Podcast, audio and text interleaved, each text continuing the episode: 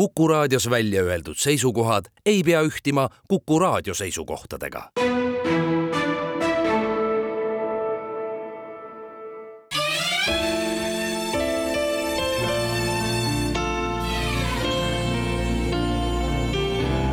nädala raamat. Karl Adami Eesti metsalinnud, laululinnud kirjastuselt Varrak. ilusat uut nädalat, head kuulajad tänavuse päris tõsise talve jäljed ei ole uue aasta teiseks nädalaks kusagile kadunud ja tuletavad teile ehk siin-seal meeldegi, et kahe tuhande kahekümne neljas aasta on kõige muu ja kena kõrval Eestis ka käoaasta. selle toreda fakti juures on tõesti hea meel tõdeda, et ka alanud aastal on meie lugemislaudadel ja riiulites, seega ka harjumustes sees tunda huvi erinevate suleliste vastu millega muidu seletada meie kirjastuste ja kirjutajate ning kujutajate traditsiooni anda välja jätkuvalt ilusaid raamatuid lindudest. teatud regulaarsusega on neid läbi käinud ka Kuku raadio nädala raamatu rubriigist ja üks taoline kord on ka käes selleks nädalaks kirjastus Varrak on äsja toonud välja Karl Adami imetabase kvaliteetse ja võrratute piltidega tundub, et ka päris isikliku raamatu Eesti metsalindudest, kes üksiti on ka laululinnud. miks julgen väita isikliku? sest autor on lähtunud linde portreteerides eeskätt isiklikest kogemustest, mis tõesti on armsad ja tundub, et kirjutajale väga olulised. raamatu autor Karl Adami on noorema põlve fotograaf, kes suuresti tänu pildistamise hobile tuli nii-öelda loodusesse tagasi, nagu ta oma kodulehel endast kirjutab aastate jooksul on Adami töid avaldatud paljudes kodumaistes lehtedes ja ajakirjades, aga näiteks ka National Geographicus lisaks fotodele võtab Adami üles ka liikuvat pilti, olles aktiivne Rahvusringhäälingu Osooni saate kaasautor. tema üles võetud kaadreid leiab huviline muide ka filmidest Eia jõulud tondikakul ja Fred Jüssi Olemise ilu. metsades toimuv eluolu on see, mis on Adamit köitnud ja nagu nüüd ilmneb, evib ta lisaks pildi talletamise professionaalsele oskusele ka kirjutamistalenti, olles selle vastu, kellest või millest kirjutab, ütlemata soe ja empaatiline. meie nädalaraamatu suure kujundustöö on lisaks autorile teinud ka Päivi Palts ja toimetanud on seda Vester Roosaar. see nädalaraamat on nagu natukene entsüklopeediline ja nagu ei ole ka esiteks, ja nüüd ilmselt kordan end, aga see on tõesti rikastatud väga kvaliteetsete fotodega ja mitte ainult ühega per artikkel või lind, vaid üsna mitmega. meie nädalaraamatul on väga põhjalik sissejuhatus teemasse. lisaks tavapärasele nii-öelda, miks ma selle raamatu kirjutasin, omale ka autori ülevaade Eesti metsadest, mille all on muide üle poole siis Eesti maismaast. samuti metsa elupaikadest eraldi peatub ning tutvustab Adami inimmõju metsadele, millist inimesed avaldavad peamiselt neid majandades. eraldi leiab tutvustust ka raiesmikk ja noorendik, kumbki oma linnurikkuses ja täiesti kindlalt ka oma asurkonnaga, kellele just nimetatud elupaigad sobivad, ja ka metsalindude aastaringist kõneleb üks lühike artikkel, mis läheb sujuvalt üle selle aastaringi produktiivseimale ajale, milleks kindlasti on kevadsuvine külluse aeg, kui pole hoolega hoobil vahet ja meie metsad on täitunud elurõõmsa tegevuse ja seda saatva lauluga. ja siis juba sujuvalt linnuliikide juurde, keda autor on kaante vahele mahutanud nelikümmend kuus. Nendest umbes saja kümnest, kes võiksid seal olla.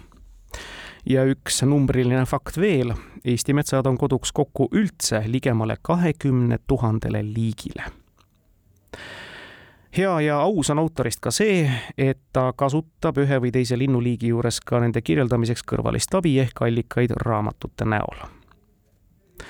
aga suuresti on tegemist jah, isikliku raamatu ja isiklike tähelepanekutega stiilis, miks mõnes metsas ei lenda näiteks mõned puukoristajad üle oja sest nad teavad teiste puukoristajate piire, mis on neile tõenäoliselt tülide käigus selgeks tehtud.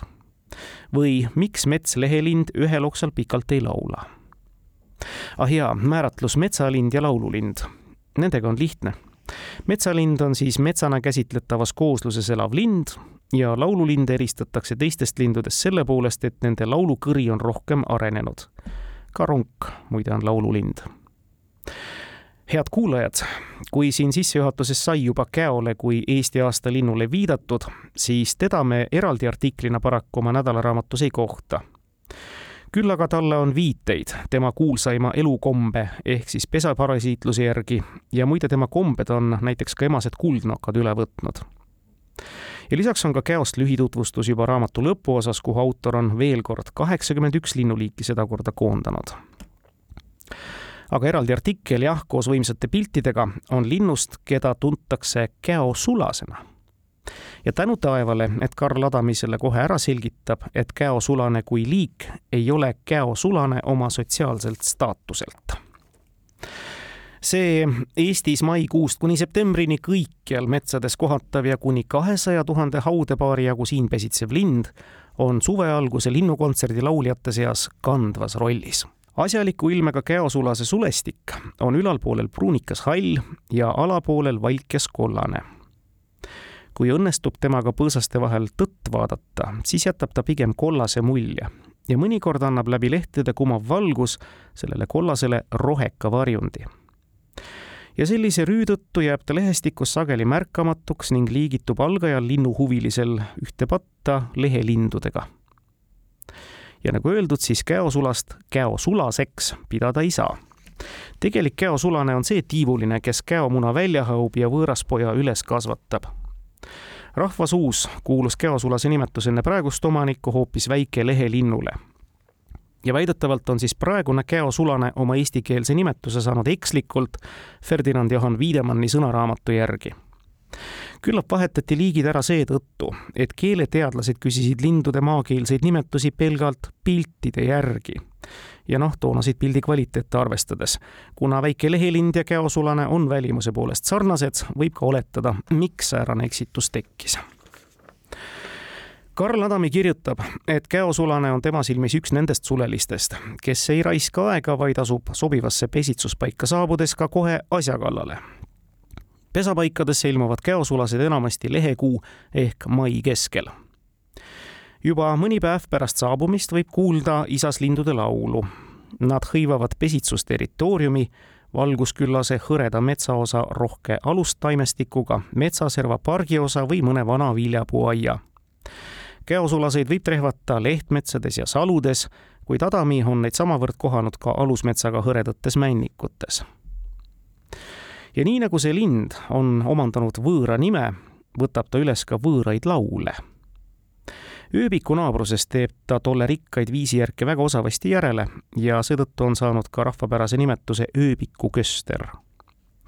käosulase laul on kõlav ja pikk, see koosneb eri päritoluga teisi linnuliike matkivatest kaatkenditest.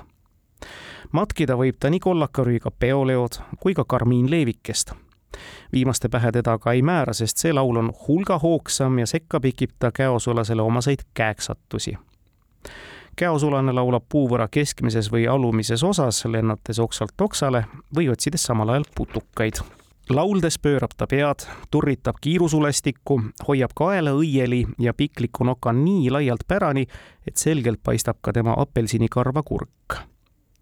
mõnikord harva sukeldub ta laulma ka madalasse põõsastikku, kuid kui metsas peaks leiduma mõni kõrgem kask, eelistab ta käeksatustega pikitud laulu esitada seal pesa asuvad ehitama mõlemad linnud koos ja see koosneb neil kuivadest rohukõrtest, taimevillast ja ämblikuvõrgust ning on väljastpoolt kaetud kasetohu valgete helvestega. käosulase pesa asub kõrgel ja selle asukoha redavad linnud alles siis, kui inimene on linnukodule päris lähedale sattunud. ja kui peaks olema õnne üle pesa ääre piiluda, siis paistavad sealt äratuntavalt heleroosad hõredate mustade täppidega kirjatud munad ja käosulased võivad munadega pesaga pika häirimise korral hüljata. poegi ähvardava ohu korral püüavad vanalinnud vaenlast pesast eemale meelitada. toiduks passivad poegadele kasvatamise ajal peamiselt kahetiivalised, sageli liblikad ja nende röövikud. ja kui pojad on üles kasvatatud, asuvad käosulased pikaks rändeks varusid koguma siis kuuluvad menüüsse ka muuhulgas lehetäid ja isegi marjad augusti jooksul ja septembriski viib pikk teekond nad troopilisse Aafrikasse. kuigi neid kollakaid linde võib veel ka hilissuvel trehvata, on autori meelest parim aeg käosulaste otsimiseks mai keskpaigast juuni teise nädalani, kui nad on häälekad ja jäävad sagedamini ka madalamates põõsastes silma see äsja loetud, peaaegu terviklikult ette kantud artikkel käosulasest on niisiis ka üksiti autori stiilinäide, kuidas ta kirjeldab üht konkreetset laululindu ja muidugi on käosulasest ka kolm kaunist ülesvõtet, mida meelde jättes ei saaks teda ehk Viidemini aegse rahva moodi lehelinnuga nõnda palju sassi ajada. head kuulajad, nagu märgitud, on meie nädalaraamatu autor Karl Adami teinud linnuraamatus ära ka tänuväärse harimistöö andes lugejale aimu erinevatest metsatüüpidest ja seda just linnurakursist tulenevalt. Näiteks kirjutab ta raiesmikest ja seal elutsevatest lindudest. tõsi, kuivõrd tegemist ei ole metsaga, aga siiski metsamaaga, ei saa me otseselt kõneleda ka metsalindudest. aga nimetagem neid siis metsamaa lindudeks, keda üllatavalt palju selles koosluses leida võib olenevalt kasvukoha tüübist ja sellestki, kui kiiresti raiesmik uue metsapõlvega uueneda jõuab, võib seal pesitseda erinevaid sulelisi, eeskätt muidu avamaastikul ja nende servaaladel toimetavaid linde, näiteks kadakatäkse, punaselgõgijaid või talvikesi. Kui puud soodsate tingimuste najal hoogsalt pikkust viskavad ja jämedust koguvad, mõtestavad linnud küll sel alal tegutsemise veidi ümber avarust ihalevatele kadakatäksidele jääb kõrguvate puudega paik juba kaugeks, kuid punaselgõgijad ja talvikesed võivad veel noorendikeski askeldada, kirjutab autor ja lisab, et metsalindudeks ta neid otseselt ei peagi. ja otseselt metsa elupaikadest nad ka ei sõltu sellisel määral kui näiteks hoburestad või väikekärbsenäpid mida tihedamaks ja kõrgemaks puud tulevikumetsas kasvavad, seda vähem tõenäoliselt avamaastikul toimetavad linnud seal oma elupaika näevad muide, kiikamegi kohe raamatu lõppu ja saame teada, et varblasest pisut väiksem kadakatäks saabub meile aprillis ja lahkub augustis. elutseb niitudel, karjamaadel, metsaservadel, raiesmikel, põlendikel, madalsoodes, aga ka kadastikes ja rabades. suvel pesitseb meil sada viiskümmend kuni kakssada viiskümmend tuhat paari, talvel me neid ei kohta ühel hetkel, ja see on taas hindamise küsimus, saab raiesmikust noorendik ja vaat see peidab endas juba põnevat suleliste eluolu, ehkki nagu autor hindab, võib see rohelise müürina kõrguvana palaval suvepäeval näida suisa eemale tõukava keskkonnana. no eeskätt seal peituvate putukate, kardetud puukide ja väga tüütute sääskede tõttu aga kuna need putukad moodustavad ka märkimisväärse lindude toidulaua sedeli, kostub siis noorendikest tihtilugu ka suurt linnulaulu. autor märgib, et see on väga hea paik näiteks lehe- ja põõsaslindude vaatlemiseks valdav osa noorendikes toimetavaid tiivulisi pesitseb aprillist juunini, aga leidub neidki, kes võivad teise kurnaga tegeleda veel augustiski. näiteks punarinnad, võsaräädid, käblikud ja väikelehelinnud noorendik on väikeste värvuliste paradiis, kus peale nimetatute võib kohata ka käosulast, rohevinti ja leevikest, lehe- ja põõsaslinde, aga ka liike, keda esmapilgul selles noort elutäis keskkonnas ei ootakski. ja see tihe noorendik pakub ju toidupoolist isegi sügise alguses. just siis võib kohata rohkelt noorlinde, kes enne pikka rännet rasvavarusid koguvad ja mõnikord kõlalt ka ebakindla lühikese laulujupi valla päästavad see on neile võrdlemisi turvaline paik, kus toimetada, kuna suurematel röövlindudel ei ole sinna vähesema nõimerdamisvõimaluse tõttu asja ja kuivõrd Karl Adami võttis juba jutuks, siis võtame ka meie siinkohal lähemat tutvust teha linnukesega, keda võib noorendikest leida ja kellest arvame lapsepõlves loetu ja kõneldu kohta, et me seda lindu ja tema kombeid hästi tunneme. tegelikult ei tunne ikka küll ja siin kõnelen eeskätt endast ja võib-olla kellestki veel. leevikesed ekslikult arvatakse, et punakõhulised leevikesed toimetavad meie mail vaid talvel. tegelikult elutsevad nad puistutes aasta läbi. põhjusi, miks nad talvel enam silma hakkavad, on mitu. talvel kaovad ju puudelt ja põõsastelt lehed, mis seal liikujaid varjasid. pealegi vaatavad leevikesed sügise hakul metsast veidi kaugemale, söandades lagedale tulla neile suvi läbi varju pakkunud metsarüpest kuigi osa leevikesi rändab meilt kurjade talveilmade eel lõunasse, tuleb meil talvitavatele leevikestele lisa nii Soomest kui Loode-Venemaalt, kust nad taanduvad veelgi karmima põhjamaise pakase eest. ja nõnda võib meil ainuüksi talvel toimetada kuni kolmsada tuhat leevikest. suvisel ajal võib siinkandis poegi kantseldada kuni sada tuhat paari. talvel on mõnel päeval arvestatavat valget aega vaid veerandi jagu ja sellal keerleb leevikeste päevakava peaasjalikult toidu ümber. Nad on oskuslikult oma menüü kujundanud vastavalt aastaajale nõnda nakitsevad nad sügisel ja talvel pihlakatel, vahtra ja saarepuudel seemneid, kusjuures erilised lemmikud näiks olevat vahtraviljad. kui mõnel kraavipervel või metsasihil, mis niitmata jäänud, laiuvad ka umbrohuribad, võib neid kohata sealgi. talvel on leevikesed uitajad, kuid nad ei moodusta väga arvukaid salku. Suuremates leidub linde paarikümne kanti, kuid üldjuhul on salgas kuni kümme lindu nii punase rinnaesisega isaslinnud kui ka roostehallid emaslinnud on ühtemoodi pelglikud. mida suurem salk, seda tõenäolisem on, et lindude seas on mõni nõrgema närvikavaga isend, kes ülejäänud tihti lendu kihutab. sügisel ja eriti ka talvel, kui toiduallikaid on märksa vähem, on samas leevikeste jälgimine märksa lihtsam piisab vaid leida mõni umbrohuriba, viljutäis pihlakas või vaher ja kiigata aeg-ajalt nende ümbrust kui salk peaks huvilise lähenedes sest paigast lahkuma, võib ta sinna ka naasta ega pane passivat inimest pahaks, eriti kui too liikumatult püsib. enamik nädalaraamatu autori tehtud leevikese pilte on sündinud jõulu- ja helmekuul jahedate ilmadega ja raamatus on neid muide kokku kaheksa erinevat ja neid võiks imetlema jäädagi Karl Adami märgib, et ta ei tea küll sellele head seletust, aga ta on märganud, et sel ajal, siis talvisel ajal on nad inimestega kuidagi leplikumad.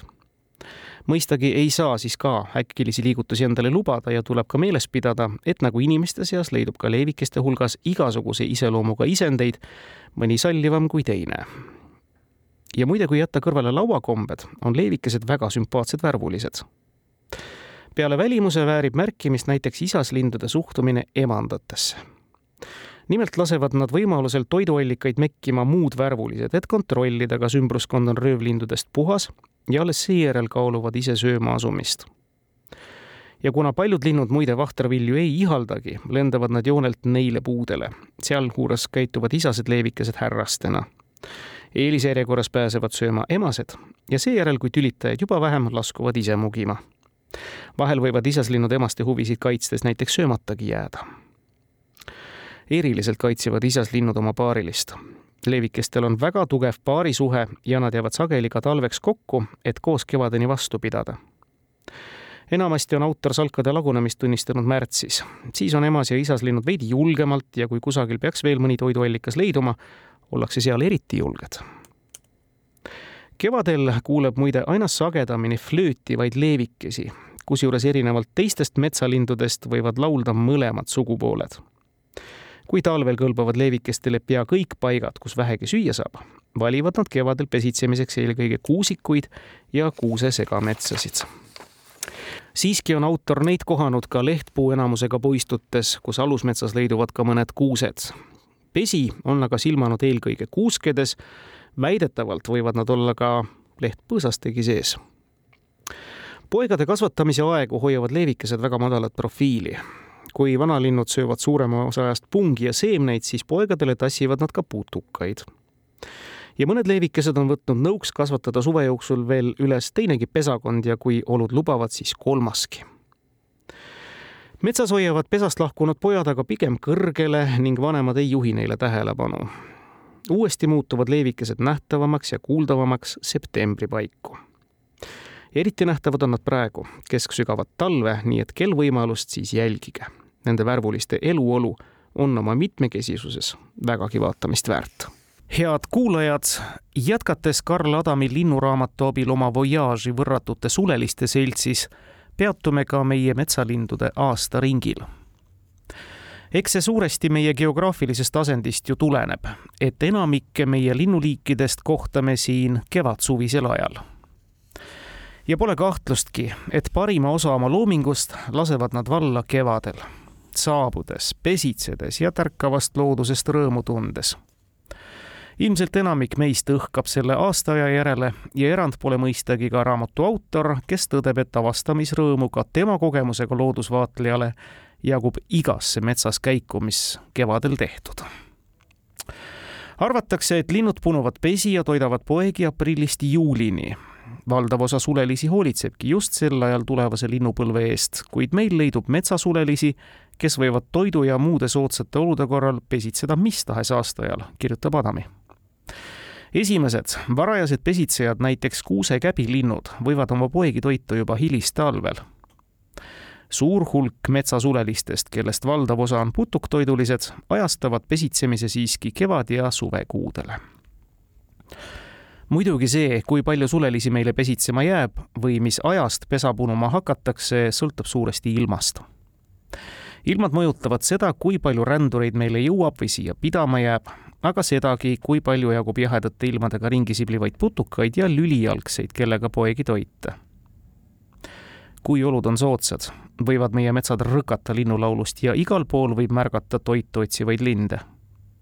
päris kõik kohad siiski nendest pungil olla ei saa, sest liikidel on oma elupaiga eelistused ja ka ressursid, isegi meie metsades, on piiratud kokkuvõttes võib öelda, et meie metsad on kõige elavamad mai keskpaigast kuni juuni keskpaigani et suur hulk vanemaid on lõpuks hõivatud poegade kasvatamisega, saabub vaiksem aeg metsadesse juuli algusega. Mõnikord võib üksikuid laulurästaid, metsvinte ja väikelehelinde kuulda juuli keskpaigaski, aga suurem jagu lindudest siiski lõpetab selleks ajaks. Karl Adamis edastab, et juulist augusti keskpaigani on meie metsades üks vaiksemaid aegu üldse metsvindid näiteks, kõige tuntumad oma eripärase lauluviisiga, no teate küll, siit-siit metsast ei tohi võtta mitte üks kuusetikk, on juulis üldse vait. aga see ei tähenda, et see vaikus seisma jääb kuni uue kevadeni. Juba sügise alguses on taas tunda sagimist, sest see periood kuulutab lahkumise aega. Ja siis ei kohta mitte üksnes neid sulelisi, kes meie metsadest taanduvad, vaid ka läbirändavaid linde. Ja mõneti võib hallideks sügiskuudeks linde juurdegi tulla, näiteks põhjast ja kirdest saabub mõne liigi esindajad siia lootuses leida soodsamaid olusid talvitumiseks.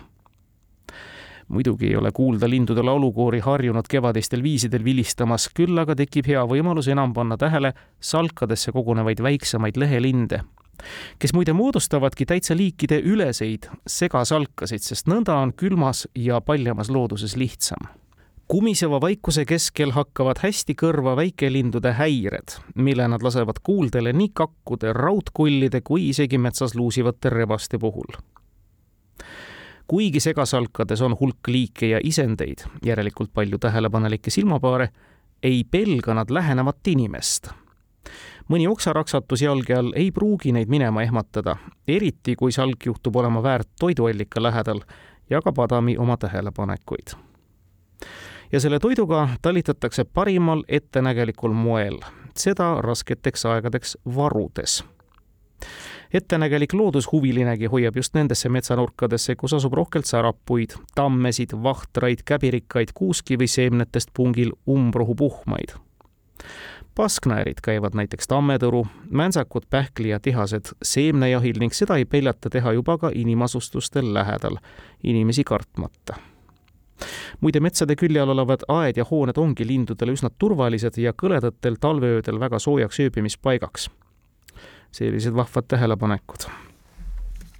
Pasknäär ja Mäntsak, keda Karl Adami viimatises kirjelduses mainib paaris, on naabriteks ka meie nädalaraamatus Nendest esimene, Pasknäär, on Karl Adami üks lemmiktiivulistest.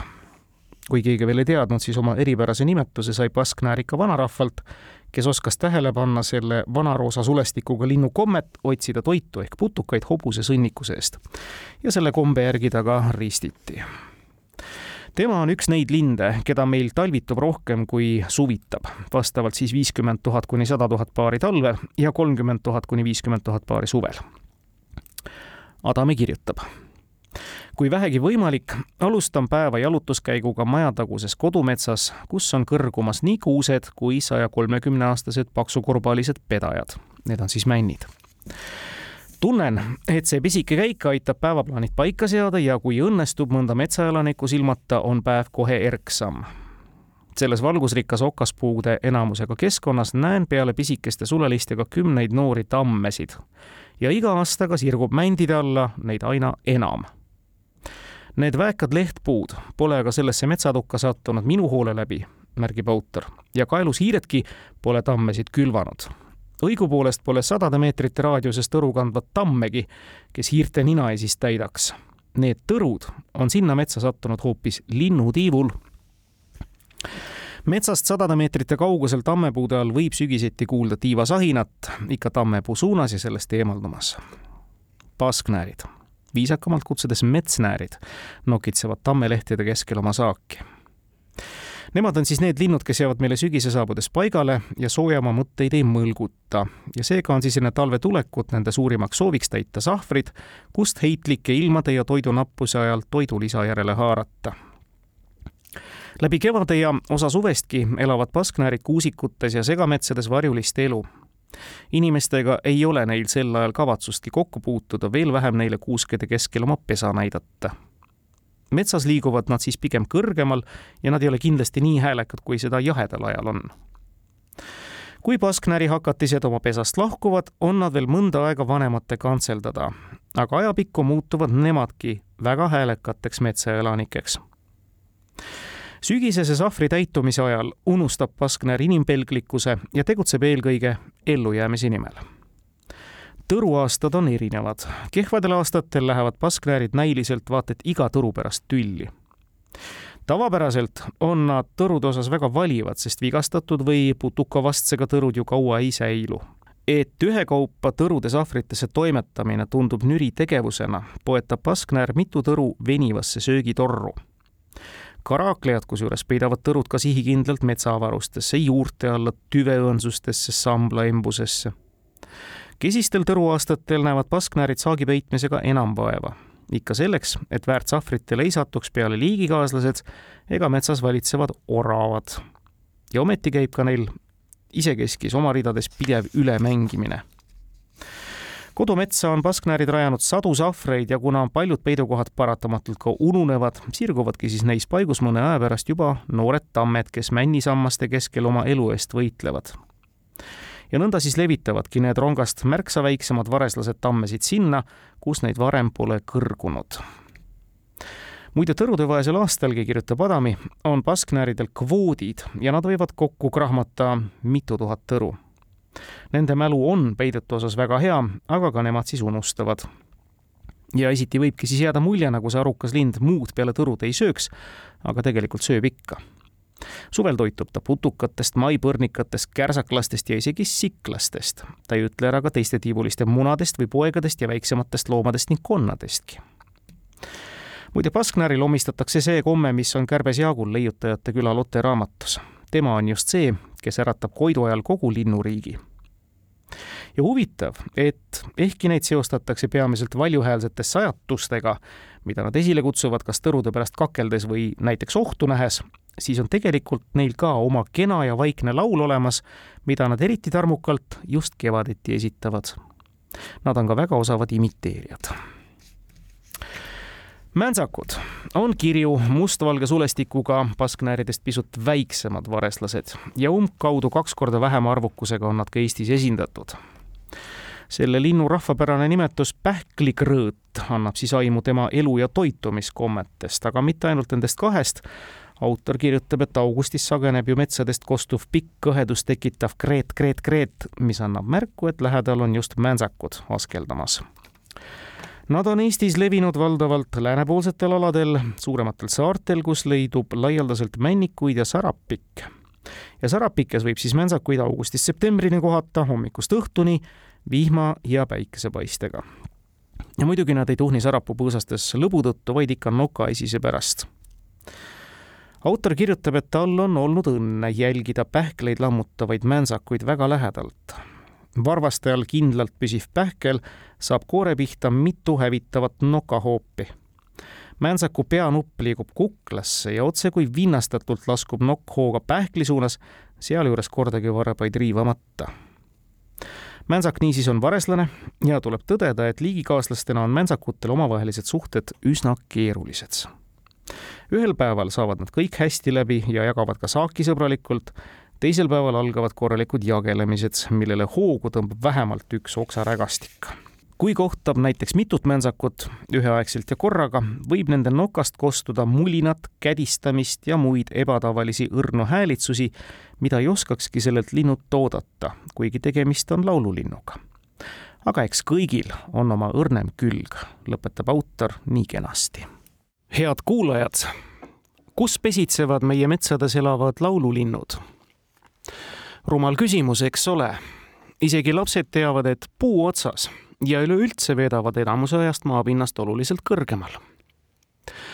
aga nagu aimata võite, on lindude eluolu ja elukoha valik märksa mitmekesisem ja seda teab ning vahendab meile nädalaraamatu autorgi, kogenud loodusemees Karl Adami üks meie raamatut sissejuhatavatest ja selgitavatest peatükkidest annabki lugejale teada, et metsalinde kohtab meie metsades kõikidel korrustel üks mitmekülgne, eakate ja noorte ning surnud püstiste puude, lamapuidu ja tormimurruga segamets on nagu kortermaja. ja naabrite suhted selles kihavas keskkonnas kujunevad ajapikku ajendatult toidubaasist, istumisokstest ja muudest väiksematest detailidest. Ja selles kortermajas võivad sama liigi sulelised olla väga erineva käitumise ja pesakoha eelistusega, toob ta üsna täpse paralleeli. näiteks käblik üks vilkamaid, väsimatumaid ja väiksemaid metsalinde elutseb peamiselt oksarisus ja tuulemurdudel ja pesagi rajab ta enamjaolt maha paisatud puude, eelkõige kuuse juurestikku.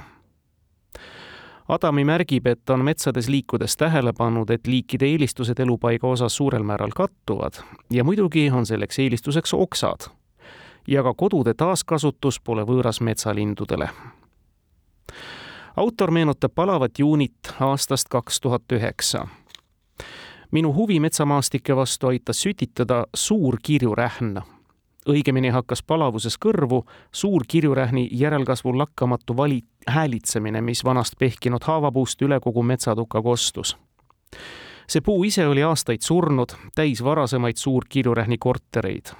püsti seisis see puu tõenäoliselt teiste puusammaste armust püüdsid ju nemad kõik suuremad tuuleiilid kinni. hoolsad vanemad kasutasid puud aastaid, lisades igal aastal uue koduukse eelnevast meetri jagu allapoole metsas ei lasta midagi raisku ja nõnda võtsidki rähnid sellest puust, millest majanduslikus mõttes polnud kellelgi kasu, ikka viimast. Neist hüljatud korteritest tundsid järgnevatel aastatel rõõmu nii must kärbsenäpid, rasvatihased kui lõpuks ka kütist värbkakk, kirjutab ta kaheksa aastat hiljem otsustas Karl Adami oma teadmised ja oskused proovile panna ning ära näha kõik ühes metsas pesitsejad. Ja selleks metsaks valis ta Pärnumaal ligemale kolme hektari suuruse jänesekapsamustika kasvukoha tüübiga segametsa, kus suuremate puude keskmiseks vanuseks oli toona üheksakümmend viis aastat.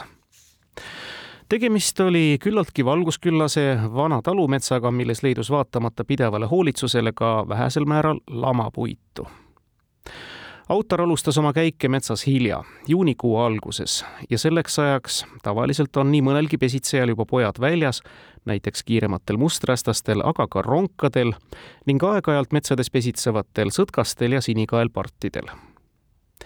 tol juunikuul ei hakanud talle selles metsas silma mitte ühtegi mainitud liiki ometi avastas Adami, et selles väikeses metsas, mida aegamisi küttepuude saamise eesmärgil majandati, pesitses augusti lõpu seisuga nelikümmend kaks paari linde kahekümne viiest eri liigist.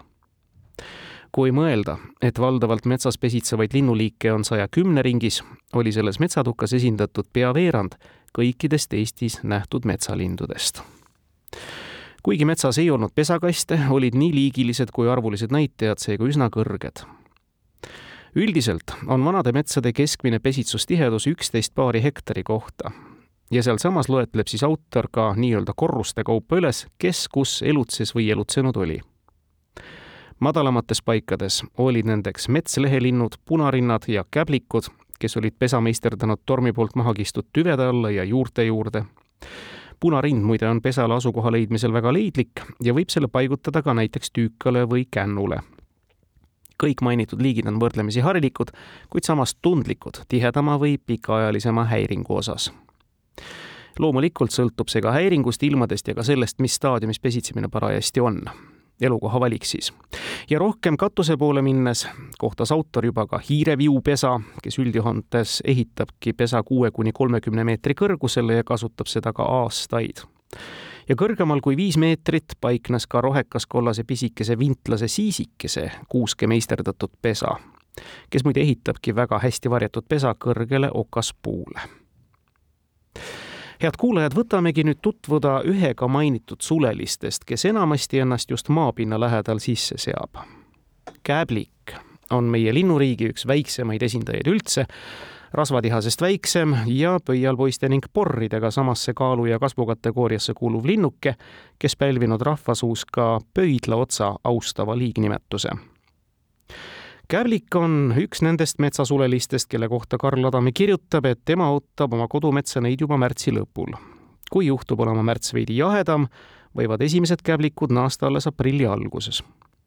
Nende arvukus tõuseb aprilli teises pooles, mil emaslinnudki metsades liiguvad. kävlik on üks vilkamaid ja väsimatumaid metsalinde, kes jääb ometi paljude jaoks märkamatuks, küllap oma väiksuse tõttu ja kel õnnestub hetkeks käblikuga tõtt vaadata, märkab ta, et on roostepruuni sulestiku, väikese jässaka keha ja lühikese sabaga lind, mida hoiab alati püsti. niisiis, käblik pesitseb rikkaliku alusmetsaga leht- ja segametsades. meelispaikadeks on lodumetsad, laialihised lehtmetsad ja viljakamat tüüpi kuusesegametsad nii nendes kui muudes puistutes hoiavad käblikud võimalusel tuulemurdudesse ja kõige tihedamatesse põõsastikesse, oksaregastikesse ja kuusetihnikutesse. Need on nimelt paigad, kuhu paljud röövlinnud ja loomad väga kergelt ligi ei pääse. ja eriti hinnas on jõe- ja ojaäärsed metsad. no inimesedki teame, soetavad kinnisvara tihtilugu just veekogu äärde kuigi toitu otsivad käblikud enamasti risu keskel, leiavad pisikesed pruunid isaslinnud laulmiseks mõne kõrgema ja avatuma paiga. Nad lendavad kännule, puutüükale, kuuseoksale või sammaldunud kivile ja kasutavad siis kõik enam-vähem samu laululavasid ja kui seada ennast mõne taolise ligitusse, võib käblik end lähedal ka ilmutada kuigi lind ise on väike, on isaslinnu lauluhääl vägev ja teeb silmad ette paljudele, seejuures mitmeid kordi suurematele lindudele. kuni poole kilomeetri kaugusele on kuulda tema vägevat viisijuppi. ja just nende meloodilist loomingut kasutatakse kaunis sageli erinevate reklaamide, seriaalide ja filmide taustaks. ju siis on tegemist linnulaulude musternäidisega ilmselt peaks Käbliku härra hääl olema vali seetõttu, et kõik kuuleksid, kus on Käbliku territoorium. Nad on ju pisikesed ja võiks eeldada, et neid tiibulisi mahub metsa palju, kuid isaslinnu valdused on suured ja nõnda võib üks Käbliku härra võimutseda mitmel hektaril, mille piirid saavad paika saabumise järel. ja kui piirid paigas, asuvad isaslinnud pesitsemiseks ka ettevalmistusi tegema küllap sagedamini metsa sattunu on juhtunud peale mõnele käblikupesale, mis on väikese linnu kohta ikka päris massiivne. Ja neid pesi muide on rohkem kui üks. isased loovad enne emaslindude saabumist mängleva kergusega hulga mängupesi, mida õigel ajal oma potentsiaalsele teispoolele esitleda. Sobivaima pesa siseviimistluse vormistab käbliku emand ja sellest pesast saab siis järeltulevale põlvele mõneks ajaks kodu ülejäänud pesad, mis siis poegade kasvatamiseks emanda meelest ei passi, täidavad öömaja rolli. käbliku isandad on küll väga elegantsed, aga üsna tihti ka mitme naise pidajad. mida enam on territooriumil kaasasid, seda suurema tõenäosusega ei pruugi isaslind ühtegi emaslindu abistada, vaid kaitseb pesitsemise ajal kogu kuningriigi piire ja piiri ületanud inimest saadab isaslind valvsa pilguga. hädaohu korral teeb käblik väga palju kärinat mis on hoiatuseks kõigile metsaelanikele. mõni käblik veedab meil terve talve, kuid enamik nendest rändab külma eest soodsamatesse paikadesse. siiski võib meie metsades käblikuid silmata ligemale pool aastat, kevadest sügiseni, mille jooksul võib neil sulelistel olla kaks kurna, kuni kaks kurna, harvemini isegi kolm ja tillukeste lindude kohta on nad ikka väga tegusad, tõdeb autor ja tõdegem seda lugenuna meiegi head kuulajad, meie lustiline ja hariv linnuraamat kätkeb endas ka tõsisemaid noote. või noh, kellele tõsisemaid, kellele argisemaid.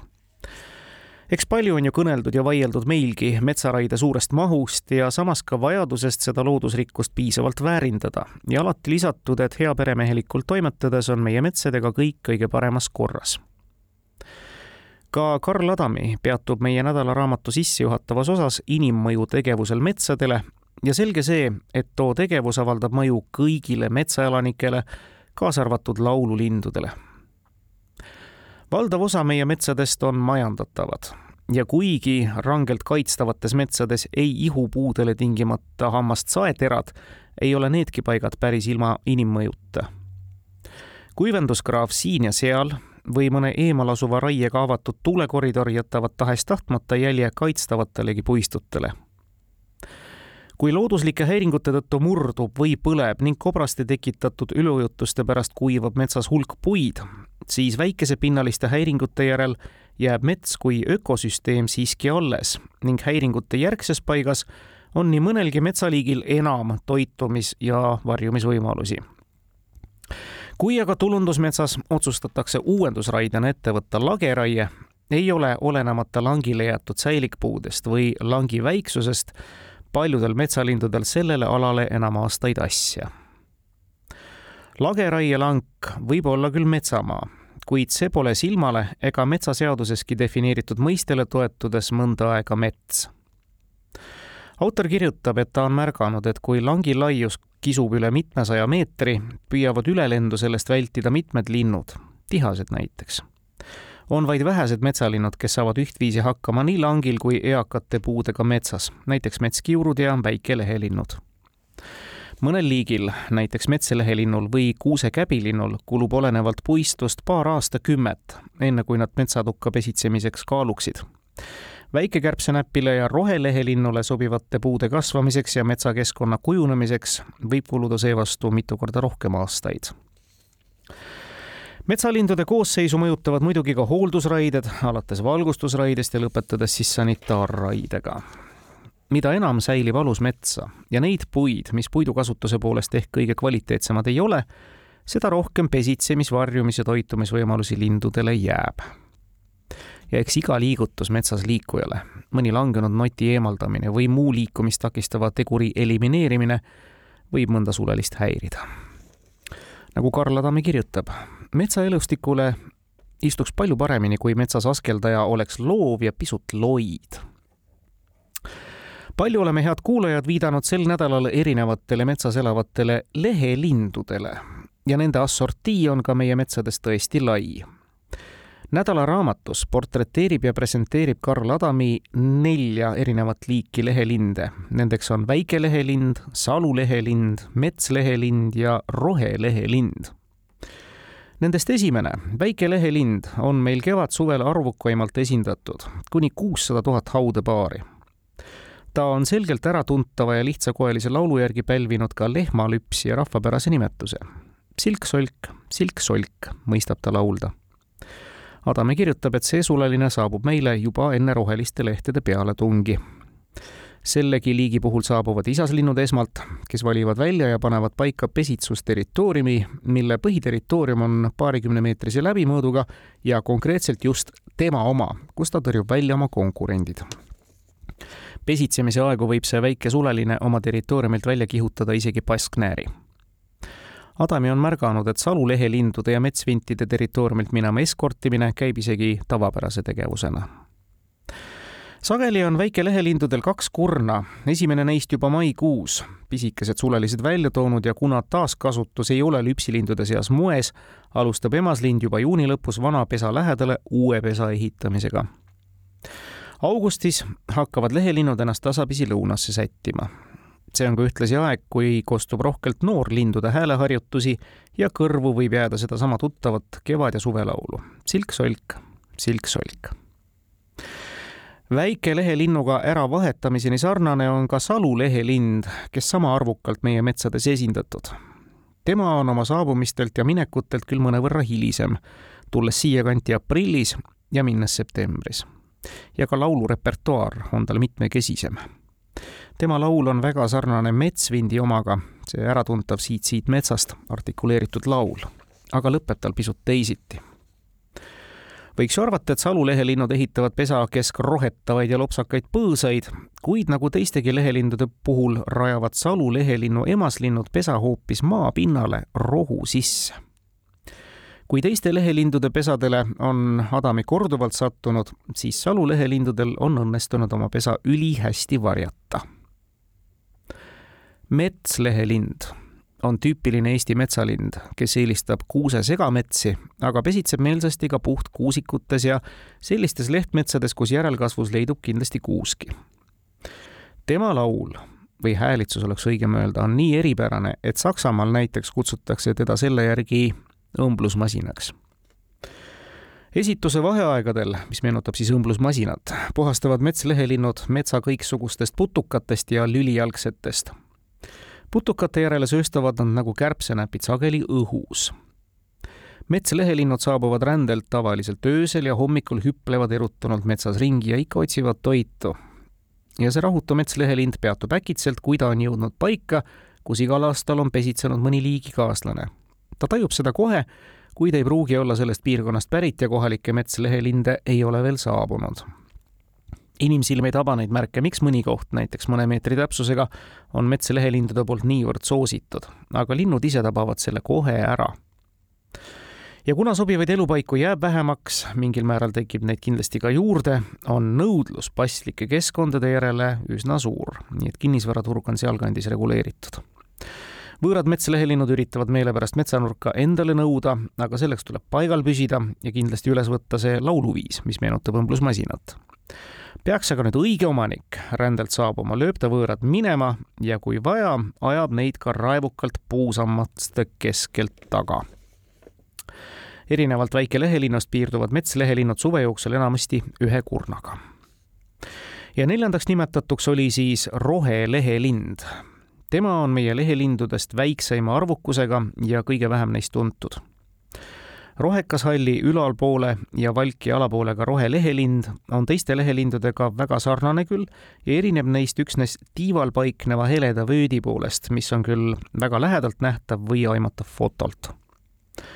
rohelehelinnu pikaajaline vaatlemine on pisut raske, kuna käitumiselt on ta teiste lehelindudega võrreldes väga rahutu ja liikuv tihti võib rohelehelindude askeldamist jälgida pea kuklas, sest putukaid ja lülijalgseid otsib ta toiduks peaasjalikult puuvõrast ja maapinnale laskub ta harva.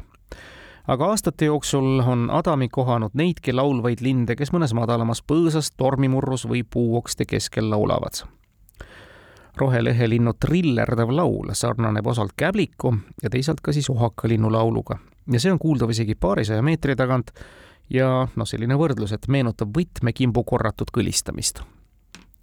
laulmise ajal tegutseb rohelehelind pidevalt siis puuvarade ülemises osas ja mõnikord oskab ta laulda ka lennult puult puule. elavam on tema laul hommikul ja päeval ja lauluperiood kestab saabumisest kuni juuli keskpaigani. vallaliseks jäänud isaslinnud võivad lõõritada aga veel augustiski võrreldes muude tiivulistega on rohelehelind üks meie hilisemaid saabujaid kes seab ennast sisse siinkandis maikuu viimasel nädalal või juuni alguses ja lahkub juba augustis-septembris. jahedama kevade korral kipub neid Eestisse üldse väga vähe ilmuma või jäävad nad sootuks tulemata. Head kuulajad, lehelindudega lõpetame ka meie selle nädala igati positiivse lugemise ja tema tutvustamise tõdemusega, et see võiks ja peaks isegi olema täitsa tore pereraamat kus sa lastele näitad muudkui pilte, mida nad jäägitult kindlasti haaravad ja oskavad ka nende kohta küsida. ja siis selgitadki Karl Nadami teksti näol juurde nõndaviisi, et lapsed sellest väga hästi aru saavad. seega autorit väga tänades ja talt ka raamatule jätku soovides soovitame kindlasti haarata